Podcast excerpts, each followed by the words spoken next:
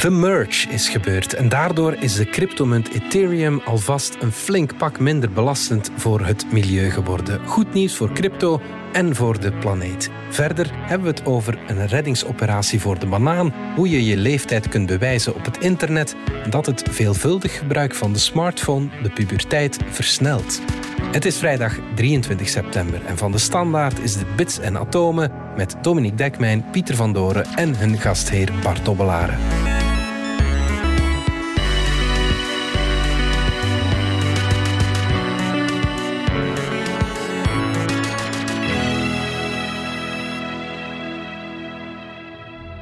Dominique, welkom. En we gaan er maar meteen invliegen, want The Merge is gebeurd. En nu mag jij vertellen wat dat betekent. Ja, was toch een, een belangrijk eh, moment voor de mensen die met cryptomunten mm bezig zijn. En dat zijn we voor alle duidelijkheid hier niet echt. ik heb er wel een paar. Ooit wel geweest. Maar, uh, interesse. We vinden, maar we vinden het, het, het, het crypto gebeuren een interessant gebeuren. En een grote kritiek die mensen al jaren hadden op cryptomunten is dat vreet energie. Ja. Zoveel energie, hè, zoveel energie als een heel land. Zoveel elektriciteit als, als één land, namelijk Noorwegen. uh, wat, dat was toch de laatste keer dat ik het las. Misschien uh, moet je dat eens even toch nog eens kort uitleggen. Waarom slorpen ja. cryptomunten veel energie? Wel, de oorspronkelijke cryptomunt, waar het allemaal mee begonnen is, de bitcoin, uh, was eigenlijk zo verzonnen. Er zat een briljant, eigenlijk, mm. een briljant systeem achter om die waarde van die munt te bepalen. En eigenlijk, je bepaalde de waarde van de munt omdat je moest werken om er een te maken. Je moest werken ja, of je computer, of je computer moest werken. En elke transactie in bitcoin werd ook dan geregistreerd door die computers die dan eigenlijk elke betaling, hmm. elke beweging van bitcoins moesten vastleggen in dat uh, register dat de blockchain heet. En om dat vast te leggen in dat register moesten weer ingewikkelde berekeningen gebeuren. En in ruil daarvoor kreeg je dan die bitcoins. Dus het was een ingewikkeld systeem waarbij je dat die gigantische computerfarms had en die werden altijd maar groter en duurder, die ook altijd maar meer energie opslorpten om te zorgen dat die munt kon blijven circuleren, dat alle betalingen veilig konden gebeuren. Een heel interessant systeem mhm. dat dan door die anonieme persoon die uh, Satoshi Nakamoto zou heten, uh, is verzonnen. En een heleboel andere cryptomunten hebben dat dan nagebouwd. Mhm. Maar al snel bedacht men van ja, moet mogelijk zijn om dat anders te doen op een manier die minder energie uh, gebruikt de methode waarbij dat, uh, je gewoon gigantisch veel computers moet laten cryptografische problemen oplossen. Uh, dat systeem noemen we proof of work. Je moet gewoon laten zien dat je superveel werk hebt gedaan. Het is echt wel nuttig werk wat al die computers doen. Wel ja, wat is nuttig?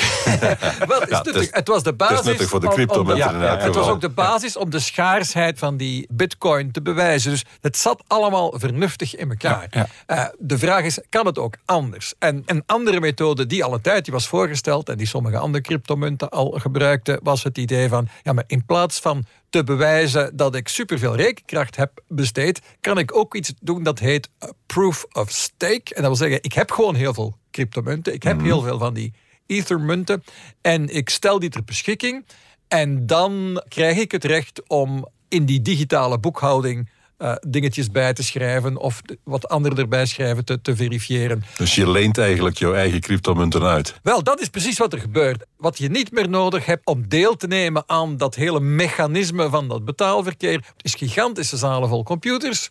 Wat je wel nodig hebt, is veel geld om mee te beginnen. Gigantische zakken. Um, hoeft zelfs niet gigantisch, je kan er vrij klein mee beginnen. En als ik goed begrepen heb, ga je al vrij snel ergens diensten hebben waar je je kleine bedrag ook mee kan dan op, op, een rekening zetten. En dat wordt dan mhm. samen meegebruikt om op die proof-of-stake methode uh, deel te nemen aan dat hele mechanisme van betaalverkeer. En daar krijg je dan uh, iets op terug. En hoeveel precies, dat moet allemaal uh, nog blijken. Mhm. Want... Dus je leent eigenlijk jouw cryptomunten uit en je krijgt rente terug op een bepaalde manier. Wel, effectief. En één probleem dat men daarmee heeft, is dat, dat het dan heel duidelijk een belegging is geworden. Mm. Ja, en beleggingen, daar weten regulatoren wel een weg mee. Tot hiertoe wisten men het vaak niet goed. Wat is het nu eigenlijk en hoe moeten we het nu belasten? en bij gebrek aan een duidelijk idee van wat het was en hoe je het nu moest belasten, werd het in de praktijk vaak niet belast. Of ontsnapte het voor een flink stuk aan belasting. En nu het duidelijker is gaan lijken op iets dat wel bekend bekend lijkt. Want je, Lijkt wel een bank, ja. ja, eh, is de kans groter eh, blijkbaar dat iets als, uh, als de Ether, als de Ethereum blockchain belast zal worden. En misschien speelt dat wel mee in het feit dat, eh, gek genoeg, in die eerste dagen na die Ethereum merge dachten veel mensen, ja kijk, wat, wat een fantastisch uh, ding, uh, ecologisch gezien. Mm -hmm. hè? Dus het energieverbruik van de Ethermunt is met, en ik moet nu zeggen, zorgen dat ik het juist zeg, met 99,95% zijn gedaald. Dus echt nog maar een fractie van mm -hmm. de energie wordt gebruikt. Wat dus enorm goed is, maar ondertussen is die Ether dan wel met bijna 20% in waarde gedaald. En waarom is dat dan? Waar, omdat men toch niet vertrouwt dat nieuwe systeem? Het kan van alles zijn. Het kan, uh, maar een zekere factor is geweest dat men in de aanloop naar die mm. merge dacht van uh, we gaan alvast speculeren op een, op een prijsstijging. Vaak, en zo gauw dat we dat binnen hebben, verkopen ja, we snel. Ja, speculeren en dan winst uh, nemen. Ja. wat, wat dat ze noemen buy on the rumor, sell on the news. En zo gauw het echt gebeurd is dat mensen dan dachten van ja, nu is de winst wel gemaakt. dat zou een factor kunnen zijn. Ook effectief misschien ook de factor dat de Ether nu misschien minder interessant is als munt om je geld in te steken. Juist omdat er kans is op meer regulering. Moet allemaal nog op afgewacht worden. Mm. Het bewijst wel dat er nog veel beweegt in die cryptomarkt, dat daar veel innovatie is en dat aan die problemen ook wel echt wordt gewerkt. Want mogen we nu van, van Bitcoin hetzelfde verwachten? Dat Bitcoin gaat zeggen van ja, dat is the way to go? Wel, als je nu ziet dat er geld uit de Ether is gevlucht naar de Bitcoin, zou je denken van okay. maar een belangrijk probleem is eigenlijk dat uh, een heel flink stuk van dat Bitcoin-ecosysteem, veel van de echte believers, van de mensen die er lang mee bezig zijn, hebben juist geïnvesteerd in die farms. Hè? Dus eigenlijk heeft de Ether nu die farms niet meer nodig. Nee, nee, nee, natuurlijk. Echt gelukkig zijn die mensen daar niet mee. Ja, ja, dus die zijn ja, eigenlijk actief. En dus er is ook een poging om naast de officiële Ether, die dan na jaren werk eigenlijk deze overstap heeft kunnen maken, blijft er een oude Ether nog bestaan. Mhm. En u, u, u, weet, blijkt die dan uiteindelijk succesvoller, wie weet. Um, er is heel veel innovatie gaande in die markt. Dat is interessant. Men probeert die problemen ook echt aan te pakken. Want die zijn er. Er zijn wel degelijk flinke problemen met cryptomunten, met cryptobetalingen. Uh, het is heel interessant dat dat ecosysteem er iets probeert aan te doen. Maar dan blijkt tegelijk ook dat sommige partijen in die cryptowereld daar niet zo gelukkig mee zijn. Ja, omdat die beter af waren met de status quo.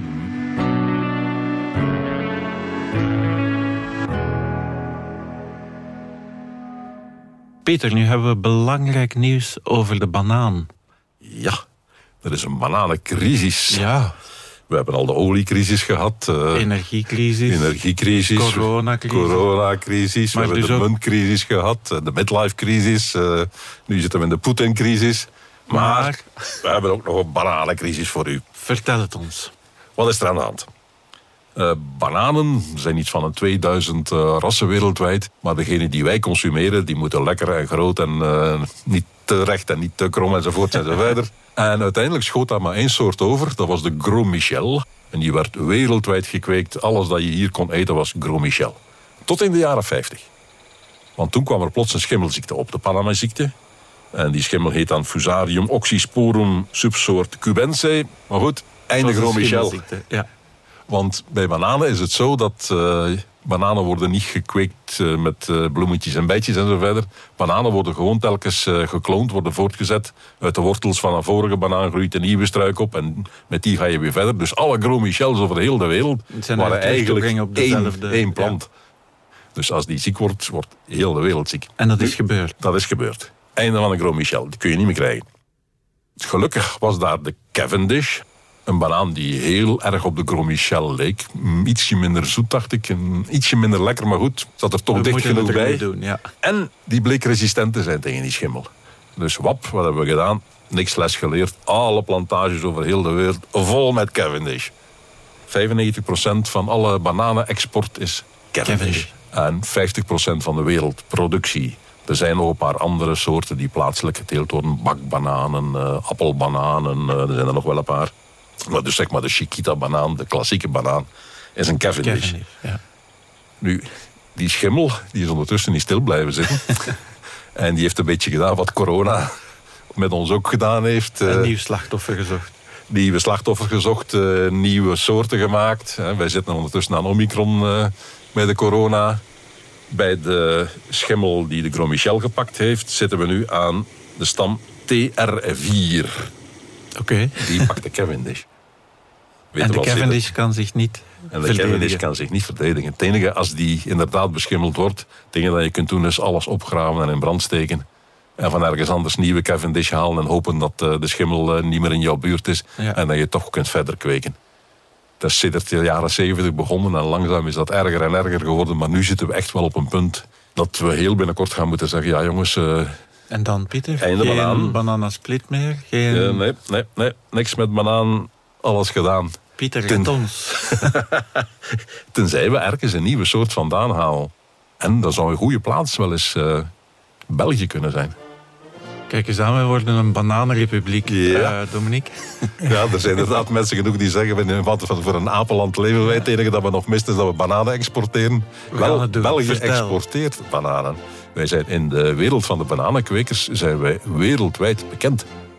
Want de grootste collectie van soorten bananen, 1500 soorten, zit in Leuven. En daar wordt dus volop onderzoek gedaan. En van daaruit worden ook staaltjes van die soorten naar andere laboratoria uitgestuurd. Allemaal in de hoop van ergens een wilde soort te vinden die wel bestand is tegen die TR4. Nu, die zijn er. In eh, Wageningen, de Landbouwuniversiteit, hebben ze in 2017 zo'n gen van een wilde soort ingekruist in de Cavendish. Ah ja, ze hebben nu een Cavendish die resistent is ook tegen de, die TR4. Dus toch goed nieuws. Ah, nee, Nee. Nee, want de Groenen hebben gedecreteerd dat gentechnologie des duivels is. En niemand nog voedsel wil eten waar eh, genetische manipulatie aan te pas gekomen is. In elk geval, geen enkele producent gaat daar zijn vingers aan verbranden. Dus wat ze in Wageningen ook ontdekt hebben, niemand is van plan van die genetisch gewijzigde banaan te gaan kweken. Dus daar zitten we weer. Maar de redding komt opnieuw uit Wageningen. We zijn ondertussen eh, België, vijf jaar verder. Ja, Wageningen is Nederland, is niet België. Jammer. Eh, ze zijn gaan kijken of ze bestaande bananen niet kunnen vaccineren. Zoals bij een vaccin gaat, dat de plant daar toch door resistentie te maken tegen het ene ook die TR4 van zich kan afschuiven. En ze hebben inderdaad zo'n eh, variant van de oorspronkelijke stam gevonden. En als je daarmee bananenplanten in contact brengt, blijken ze nadien voldoende weerstand opgebouwd te hebben of als tegen dat TR4 langskomt, om dan te zeggen, oh nee. Wij weigeren eh, van niet. besmet te worden. Ja. Alleen, nu moet nog blijken of het in de praktijk toepasbaar gaat zijn. Want je moet die bananenplant uitgraven, zijn wortels helemaal mooi afspuiten en proper maken. Ja. Dan dat ding in een emmer met eh, het vaccin zetten, een half uur laten trekken. Dan opnieuw planten en hopen dat het goed komt. Voorlopig hebben ze dat alleen in het laboratorium gedaan. En hebben ze die nadien herplant in steriel zand. Om zeker te zijn dat wat ze zagen het effect was van wat ze gedaan hadden. En niet van iets dat toevallig in de grond zat. Ze zijn nu bezig met eh, wat wildere grondsoorten eh, te gaan gebruiken, wat meer natuurlijke grond. En voorlopig steeds weer blijkt dat de plant inderdaad gevaccineerd is. Of dat nu straks in de praktijk zal, blijven eh, lukken. zal blijven lukken, dat, ja, dat moeten we nog afwachten. Ik verwacht dan toch eerst nog een opstoot van de bananenprijs. Eigenlijk, als ik jou zo hoor vertellen wat er allemaal Ja, nodig is. de laatste banaan zal duur verkocht worden. Nou, excuseer dat ik geneer, maar ik had graag een antwoord op mijn vraag. Pieter, we kunnen niet over de banaan spreken met een wetenschapper zonder dan toch die belangrijkste vraag te stellen. Waarom? Waarom zijn de banaantjes krom? Waarom? Zeg mij waarom? Waarom? Ach, het zou ten alle tijden alle mensen wist verblijden als men zeggen kon waarom. Wel, er is een antwoord op. Bananenbomen zijn geen bomen, maar zijn kruiden eigenlijk. Puur biologisch gezien. En bovendien, terwijl we toch bezig zijn, de banaan is geen vrucht, maar een groente. Technisch. Daar trekken we ons niks van aan. Het blijft even lekker. Dat kruid heeft geen stam, zoals een boom. Maar het zijn eigenlijk bladeren die om elkaar heen gewikkeld zijn en die iets stamachtigs maken. Bovenop staat daar een bloemtros. Die groeit recht omhoog. En de bananen die daar opkomen, die groeien ook allemaal recht omhoog. Die voelen de zwaartekracht. En die willen tegen de zwaartekracht in omhoog groeien. Zoals alle planten uiteindelijk doen. Ja, hè, ja, ja. Sommige groeien naar het licht, maar heel veel voelen gewoon de zwaartekracht en weten wat boven en onder is. Mhm. Dus die bananen weten dat ook en die willen naar boven groeien. Alleen die tros wordt zo zwaar dat die steel begint door te buigen, die tros kantelt. En de bananen willen toch naar boven blijven groeien, dus die moeten zich een beetje krom trekken. En die tros kantelt meer en meer door het gewicht. En de bananen willen toch naar boven blijven groeien. En het eindresultaat zijn kromme, Kromme bananen. bananen. Nu, voor wie dat niet wil, Boris Johnson bijvoorbeeld was iemand eh, die beweerde dat de EU dat niet wou. Dat was een van de redenen voor de Engelsen om weg te lopen uit de EU, want de EU zou alleen nog rechte bananen willen. Nu, dat kan. Het enige dat je dan moet doen is het steeltje van die banaan ondersteunen, zodanig dat het niet scheef kan kantelen en naar boven blijft wijzen. En dan groeien alle ba- bananen mooi recht omhoog en dan heb je rechte bananen. Dan heb je een komkommer eigenlijk. Dan heb je een gele komkommer. Goed, Pieter, dankjewel. We gaan er even uit voor reclame. Wil jij je passie omzetten in Lego-stenen? En wil je iets verwezenlijken? Met je eigen handen. Het plan uitvoeren, blad na blad, stap voor stap. Super gefocust. Je bent in het moment. En je ziet het voor je ogen groeien. Lego bouwplezier. Dat is toch het schoonste wat er is? Wil jij ook je passie omzetten in Lego-plezier? Zoek dan snel op Lego-sets voor volwassenen.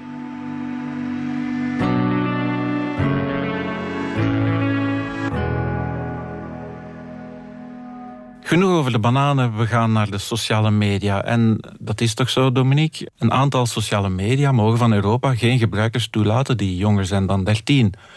Alleen dan is de vraag hoe controleer je dat? Want als dat gewoon aanvinken is, ben je ouder dan 13, dan is dat vinkje wel heel gemakkelijk te zetten. Ja, dat is een kwestie die al jaren aansleept. En het is een klein beetje ingewikkelder dan dat. Maar het komt er eigenlijk op neer. Ja, dat de meeste sociale media ervoor gekozen hebben om te zeggen van ja, we gaan niemand onder de 13 toelaten. Want als we ze toelaten, moeten we zoveel extra controles toelaten. Moeten we de ouders bijvoorbeeld instrumenten in handen geven om, het allemaal, om hun gebruik te controleren.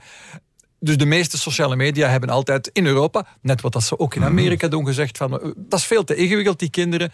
Eh, we, gaan, we gaan ze gewoon niet toelaten. Ja, dan was het idee altijd van, ja, eh, maar hoe weet je dat dan, dat iemand ouder of eh, jonger is dan 13? Ah, we vragen het ze gewoon en vink dat hier maar gewoon aan of vul maar een datum in. Ja, vul je geboortedatum in. Ja, ja, dan moeten ja, ze toch al kunnen tellen tot ja, 13. precies, Ja. precies, precies. Oké, vijf zullen ze Ja. zijn. En dat is niet bevredigend op, op het moment dat, je, dat er steeds meer onderzoek is dat bewijst dat jonge mensen op sociale media wel degelijk bepaalde gevaren lopen. En dan hebben hebben we het onder andere over jonge meisjes op Instagram. Er is wat onderzoek in de richting dat dat eh, niet zo goed is voor hun zelfbeeld om daar rond te hangen. Dat dat niet zo goed is voor bepaalde jongeren met depressie. Dus je wil het ook echt wel weten. Eh, welke jongeren op, op een sociaal netwerk zitten, wat ze laten of, zien krijgen. ju- En- Jubo-jongeren die plotseling blijken contact hebben met veel oudere mensen. Die, Ja, en dan komen we bij Jubo terecht. Effectief een app die een beetje in in een slecht daglicht is gekomen bij ons. Ik hoor het af en toe eens bij scholieren, bij momenten dat het terug opduikt. Het is zo een, een beetje zoals eh, Omegle, dacht ik. Zo'n app waar je kunt, kunt videochatten met mensen die je dan eh, niet kent. Bon, maar die zijn nu de eerste om een heel interessante stap te zetten. Eh, namelijk, zij gaan nu gewoon zeggen, we gaan echt eens checken of dat we geen mensen onder de 13 eh, hebben. Want dan lopen we ook juridisch minder risico. Maar ze zeggen van, kom, we lopen een beetje voor op peloton. Wij gaan iedereen checken. Maar dat is heel moeilijk. Ja, nog wel. Maar laten we er nu van uitgaan dat de meeste sociale media dat in de komende jaren zullen moeten checken. Hè? Want dat idee van dat je dat maar gewoon belooft. dat je gewoon iets moet vinken. Ja, ja, dat, nee, is, dat, nee. dat, dat gaat echt niet meer om. Ook, ook omdat het gaat om, om meer dan alleen maar sociale media. Het gaat eh, toegang tot pornografie. Daar is men in Engeland heel gevoelig voor. Dus daar, daar loopt al jaren die zaak dat men, Online dat men niet wil, dat niet willen dat jongeren gokken. eh, alcohol kopen, ehm, sigaretten bestellen bij een, een webshop. Op Laat heel staan drugs. Ja, voilà. Dus die leeftijd controle moet mogelijk zijn. Alleen het probleem is, die leeftijdscontrole dient om jongeren te beschermen. Maar je beschermt ze niet echt als iedereen eh, je identiteitskaart vraagt. Hè? Want dan ben je de privacy van die jongeren juist in gevaar Ja, brengen. ook weer waar. En Ja. dat is een probleem dat men, waar men nog geen absoluut sluitende oplossing voor heeft. Maar men heeft wel een paar heel interessante stappen gezet. En één simpele oplossing eh, die Jubo nu gaat gebruiken, is dat ze gewoon gaan vragen aan iedereen van een foto van zichzelf te uploaden. Eh, en dan heb- gaat er een AI-systeem naar kijken en zeggen van ja. Die is 12,5 of eh, 14 en 8 maanden, hè, dat soort dingen. En nu blijkt dat die schattingen best wel accuraat zijn. Op een jaar na kan je het wel zeggen. En als ik nu een foto van mijn vader oplaad in plaats van eentje van mij. Wel, dan komt er andere AI in het spel die moet proberen uit te maken of, het je, of je het echt bent. Hè. Dus in sommige gevallen wordt er dan video gevraagd, bijvoorbeeld. Van, Mhm. eh, van, van maak een video-selfie. In dit geval denk ik dat ze gewoon foto's vragen, maar er zijn een aantal Of, ja, dat je de in het foto maakt op het moment dat eh, de Precies. computer het vraagt. Voilà. Dus niet dat je een oude foto kan gaan. Dat is gewoon de camera van Ja. je pc eventjes Ja, ingeschakeld even, wordt. Of, even ja. een selfie pakken Ja. met, met je smartphone en dan wordt gecheckt dat die, dat die vers van je smartphone komt. Eh, dus dat is een, een redelijk idee. En dan zeg je wel, ja, de nauwke- nauwkeurige zeggen, het is niet zo geweldig. Dus op, op, op een jaartje na kan je het wel met redelijke zekerheid zeggen. Is dat dan erg? Wel ja, het betekent wel dat als je bijvoorbeeld ehm 13,5 bent, maar het systeem schat je op 12 Dan moet je eh, nog jaar en, en 10 maanden. Dan moet je Eh, protesteren. Nee, wat je dan moet doen is je identiteitskaart fotograferen en die opsturen. Uiteindelijk ko- kom je altijd op die systemen neer. Dus het systeem lost, laten we zeggen, 99% van het probleem op. En dan voor de twijfelgevallen, het zullen altijd dezelfde mensen zijn die in twijfelgevallen zijn natuurlijk. Namelijk de mensen die er jong uitzien. En het privacy-aspect dan? Of? Wel, ja, precies. Hè? Dus ze moeten dan bewijzen dat ze die foto wel degelijk vernietigen en niet voor iets anders Ja, gebruiken. dingen. Dus, eh, dat, dat brengt allemaal vervelende problemen mee. En dus Jubo gaat iedereen gewoon vragen een selfie op te sturen. Dat is voor hen een redelijke oplossing. Maar bijvoorbeeld voor gokken in landen waar dat bijvoorbeeld niet onder de 18 mag, is dat toch weinig precies. Hè? Dat, dat ze zeggen van ja, wij, wij denken dat iedereen die hier binnenkomt ongeveer, eh, ongeveer 18 is. Of het zal toch niet veel schelen. En hoe hebben jullie dat gecheckt? We hebben dus goed gekeken. hè? Dat, dat, is, dat gaat eigenlijk niet op. En er is een andere oplossing. En datzelfde bedrijf dat die fotocontrole doet voor Jubo heet Yoti. Dat is een... eh, dat is een Engels bedrijf. Engeland is daar toevallig nogal erg mee bezig, omdat ze al die jaren dus nog een beetje gefocust zijn op we willen vooral de kinderen bij porno weghouden. Dat, is, dat is eigenlijk het, het hoofdprobleem. Maar dus dat bedrijf heeft ook een systeem. Jij stuurt je identiteitskaart naar hen en dan installeer je hun app, de Yoti-app, en die kan op een bepaald moment aan een bepaalde website een signaal sturen, desgewenst, deze persoon is ouder dan 13. Dat is een bepaald signaal. Dus niet Maar dan zit jouw persoon, identiteitskaart bij Yoti. Ja, dus je hebt dan altijd een tussenpersoon nodig. Belangrijk is, je precieze identiteitsgegevens zitten maar bij één bedrijf. Ja. En die kan vlotter gecontroleerd worden dan 700 bedrijven. En die moet dan strak geaudit worden. Maar zo'n bedrijf als Jot, die wordt in Engeland al geaudit. Omdat Ja, ze in Engeland oké. hebben ze daar Ja. al standaarden voor. Eh, Europa is dat nu allemaal aan het invoeren. Maar laten we zeggen, over de komende 1 à 2 jaar komt daar ook een Eu- Europese standaard voor, die trouwens waarschijnlijk dezelfde zal zijn ongeveer als in Engeland. En dat zal ook een, een, een internationale ISO-standaard worden.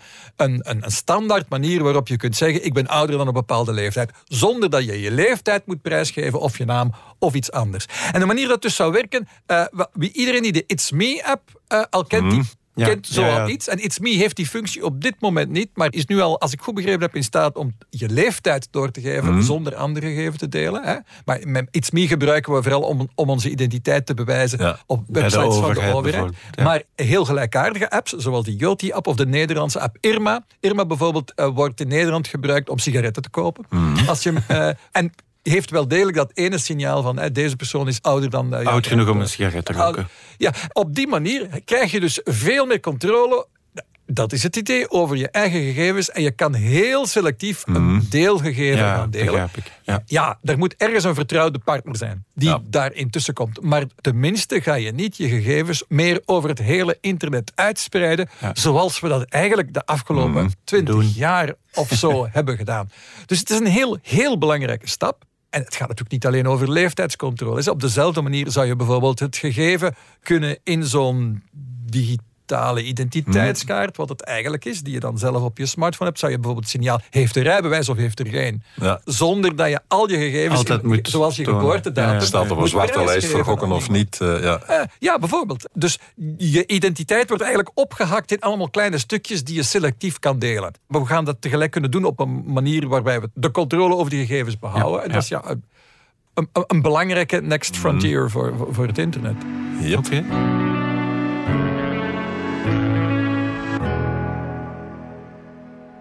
We blijven nog even bij de smartphones. Enfin, waar je toch op al die apps kunt rondneuzen. Want Pieter, af en toe waarschuwde mensen is, eh, pas toch op met al dat smartphone-gebruik en je wordt er bijziend van. Maar jij hebt iets heel anders ontdekt. Ja, het zou de puberteit versnellen. Dus het gebruik van Tenminste smartphone bij bij, vrouwelijke ratjes. Vrouwelijke ratjes. Bij mensen zijn we Ik zo wist nog niet niet. eens dat zij ook een puberteit doormaakten. Maar Ja, ook eh, ratjes beginnen als baby en eindigen als eh, oudje. En ergens eh, gaan die in de puberteit. Wat is het probleem? Als je smartphones gebruikt of tablets of whatever, iets met een scherm. Dat scherm geeft onder andere tamelijk wat blauw licht af. ja, daar slaap je niet goed van. Daar slaap ik, je niet goed Ja. van. Wij hebben ergens in onze hersenen een systeem zitten dat de uren bijhoudt, eh, onze biologische klok. En die weet, eh, s'morgens is er veel blauw licht van de zon en s'avonds geeft de zon veel meer rood licht af. Dus dat interpreteert blauw licht als zijnde... Het is nog vroeg, het is ja. nog geen tijd om te gaan slapen. We blijven actief. Ja. En we produceren dan geen melatonine, de stof die ons helpt om in slaap te vallen. Dat weten we al lang en dat is ook bij mensen en ook bij kinderen aangetoond dat dat zo is. Ja. Maar het blijkt dat blauw licht toch meer doet dan dat alleen. En eh, nu zijn er onderzoekers in Ankara en die zijn eens gaan kijken wat er gebeurt als je ratten blootstelt aan blauw licht. Ratten zijn wat eh, handiger om mee te werken in een laboratorium dan kinderen. Dus die hebben eh 18 jonge ratjes genomen, dat is niet veel. Statistisch is het eigenlijk veel te weinig, maar goed. Hebben die nog eens in drie groepen verdeeld van telkens eh, zes ratjes. De eerste groep hebben ze gewoon een klassieke lichtcyclus gegeven, 12 uur licht, 12 uur donker. Niks aan de hand. De middengroep hebben ze daarbovenop nog eens 6 uur per dag blauw licht bijgegeven. En de zware groep hebben ze 12 uur per dag blauw licht bijgegeven. En dan zijn ze gaan kijken wanneer gaan die ratjes in puberteit. Dat kun je zien aan hormonen en zo verder. Oké, Toen ja. beginnen geslachtshormonen geproduceerd worden en zo verder. ja. En dan blijkt dat de controlegroep, dus die eh, zonder blauw licht, ongeveer rond dag 38 in puberteit gaan. De middengroep met een beetje blauw licht gaat reeds op dag 32 in puberteit. En die met volop blauw licht die gaan al op dag 30 Dus in puberteit. Gaat voor alle duidelijkheid over dat blauw licht en niet over mensen die op de smartphone naar TikTok nee, gaan en naar Facebook en daardoor wat sneller puberen. Nee, nee, het gaat hier het over gaat ratjes over die blauw ratjes licht die blauw licht krijgen zoals een eh, Smartphone LED-scherm van een smartphone eh, produceert. Nu, er is dus duidelijk een verband tussen blauw licht en die puberteit. En bovendien, en dat is eh, belangrijk, het is een dosisafhankelijk verband. Hoe zwaarder de dosis blauw licht, hoe sterker het effect. En dat is meestal een goede indicatie dat het niet zomaar een toevallig verband is, maar echt een oorzakelijk verband. Weten we waar die oorzaak vandaan komt? Enfin, wat, wat dat nu veroorzaakt? Eh, ze zijn dan meteen eh, gaan controleren en dan zien ze dat eh, bijvoorbeeld bij die ratjes oestradiol, een geslachtshormoon, veel sneller geproduceerd wordt. Luteiniserend hormoon, dat is een hormoon dat zorgt dat eicellen beginnen rijpen, wordt veel sneller geproduceerd. Dus ja, er zijn toch wel verbanden aangetoond, ook biochemisch. Nu, we moeten voorzichtig zijn, een rat is geen mens. Nee. 18 Is ratten is niet echt veel. geen statistiek, dat is niks. En we weten ook niet, is het echt het blauwe licht of is het gewoon de verstoring van de normale... Het moet allemaal nog uitgezocht worden. De kans, Maar we wegens die dosisafhankelijkheid, is de kans dat blauw licht effect heeft er wel. Maar de onderzoekers zeggen, zeggen zelf, ons onderzoek is niet conclusief. Ja. Ze hebben het ook alleen voorgesteld op een congres, een eh, congres van endocrinologen, kinderendocrinologen. Maar ze zeggen, misschien is het toch veiliger van het tegen voorzorgsprincipe. je kleinkinderen zeggen van pas toch op met altijd op die smartphone, want Ja, voor je het weet begin je te puberen. Niet alleen wegens het licht, maar ook... Goed, het is gewoon... Je kunt veel beter rustig in slaap gaan met een verhaaltje dan met eh, wilde dingen op je smartphone. Ja, nu, ik, ik aarzel een beetje om het te zeggen, maar je kan natuurlijk je, je smartphone in nachtmodus zetten en dan is dat inderdaad, maar eigenlijk doe je dat beter helemaal niet. Ja, inderdaad. op zich verbetert dat inderdaad het effect op je slaap. Dat is echt wel eh, be- bewezen, maar nog beter is natuurlijk die smartphone gewoon. En nu komt het pas. s'nachts. Oh, Nu komt het pas. Eh, wij zijn de jongste tijd voor onze openbare verlichting overgeschakeld op LED-lampen. En wat doen LED-lampen? ook fout. Heel veel blauw licht afgeven. Dus wij produceren volop veel meer blauw licht dan zou En moeten weet er ook dus hoe komt dat kinderen steeds vroeger beginnen te puberen. Het zou daarmee te maken kunnen hebben. Maar goed, de energiecrisis zal ons ertoe brengen van dat toch een beetje te Dat minderen, is, heb ik dat is gelezen. bezig, ja. En als het donker is, Pieter, dan kunnen we de ster van de week zien, hè? De sterren van de week. Good stage one ignition. To explore. No man has gone before. De ster van de week is deze keer een planeet. Wat is wel de ster van de planeten? eh, Saturnus. Goed gedaan, Pieter. The Lord of the Rings. hè. Onze meest bekende en meest eh, fotogenieke planeet. Nou, nu die heeft een paar rare dingen. Eerst en vooral die ringen zelf. En ten tweede, Saturnus ligt helemaal scheef. De as waar rond Saturnus draait en ook de as waar rond die, die ringen eh, zich richten, die ligt op 27 graden. Dus dat ding ligt toch tamelijk op zijn zij. En ook daarvan weten we niet hoe dat, komt. Eigenlijk, zeker bij die grote planeten aan de buitenrand van ons zonnestelsel, zouden die mooi rechtop moeten staan in plaats van eh, scheef te liggen. In 2017 hebben we daar de gegevens voor eh, te pakken gekregen. Dan is Cassini, een ruimtetuig dat al heel lang rond Saturnus cirkelt en heel veel gegevens doorgestuurd heeft. Eh, de benzine was op, om het zo maar te zeggen. Het eh, ding moest eh, stoppen. En dan hebben ze hem in zijn laatste dagen dwars doorheen de ringen gejaagd. rakelings langs Saturnus en gehoopt dat ze nog metingen konden doen. Voor hetzelfde geld was knallen, was het gedaan. Maar goed, hij was toch aan zijn einde. Hij heeft die metingen gedaan en daar heeft men daar jaren rekenwerk op gedaan. En simulaties. Als we nu een zo'n model opstellen en uh, we rekenen uit, klopt dat met wat aan de gegevens zien. Die gegevens hadden al gemeld dat die ring heel, heel, heel uh, licht woog. En uh, nu zijn er Amerikaanse onderzoekers, die hebben weer een nieuw rekenmodel gemaakt. En die hebben gezegd, als we nu eens... Saturnus heeft al 83 maanden bij de laatste telling. Hele kleintjes bij. Als we nu eens een 84ste maan aan toevoegen, stevige joekel deze keer, iets de derde grootste van uh, de manen, en we kijken wat er dan gebeurt. En dan blijkt dat als die maan daar zou geweest zijn, dan heeft Saturnus in totaal een andere massaverdeling dan vandaag. En dan draait hij lichtelijk anders. Denk aan die uh, ballerina op, op schaatsen die pirouettes draait, met de armen gespreid. Gaat ze traag, armen bij het lichaam, gaat ze snel massaverdeling is anders. Dus die maan verandert de massaverdeling. En dan blijkt dat als je dan gaat kijken, dat uh, Saturnus, dat die wiebelt rond zoals een uh, tol die, die draait. Uh, die mm -hmm. staat op zijn punt, maar de as wiebelt een beetje rond. En bij Neptunus zie je dat de baan waarin Neptunus zich verplaatst ook een beetje wiebelt. En die twee waren gesynchroniseerd. Niemand snapte hoe dat zou moeten kunnen. Ja. Maar met deze massaverdeling maar kun je die inderdaad perfect synchroon laten uh, heen en weer zwiepen.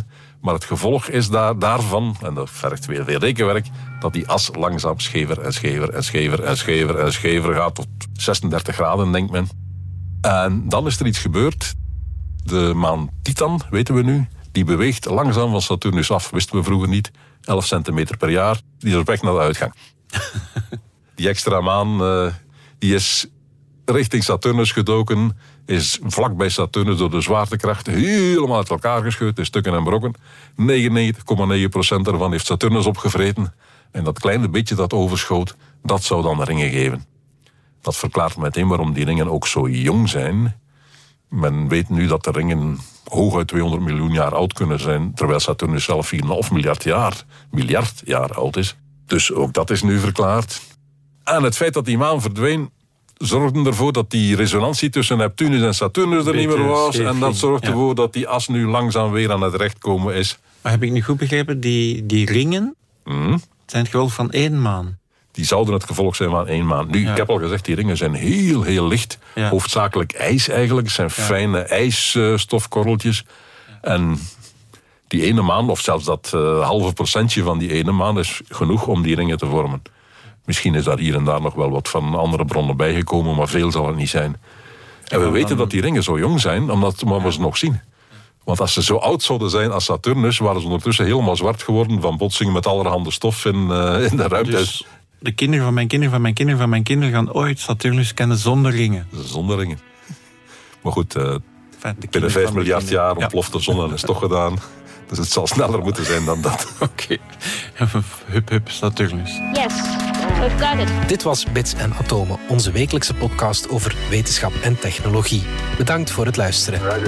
Ken je trouwens DS Podcast al, de podcast-app van de Standaard? Daar luister je niet alleen naar onze journalistieke reeksen, je krijgt ook elke week een eigenhandige selectie van de beste nieuwe podcasts op de markt. Alle credits van de podcast die je net hoorde vind je op standaard.be-podcast. Reageren kan via podcast.standaard.be.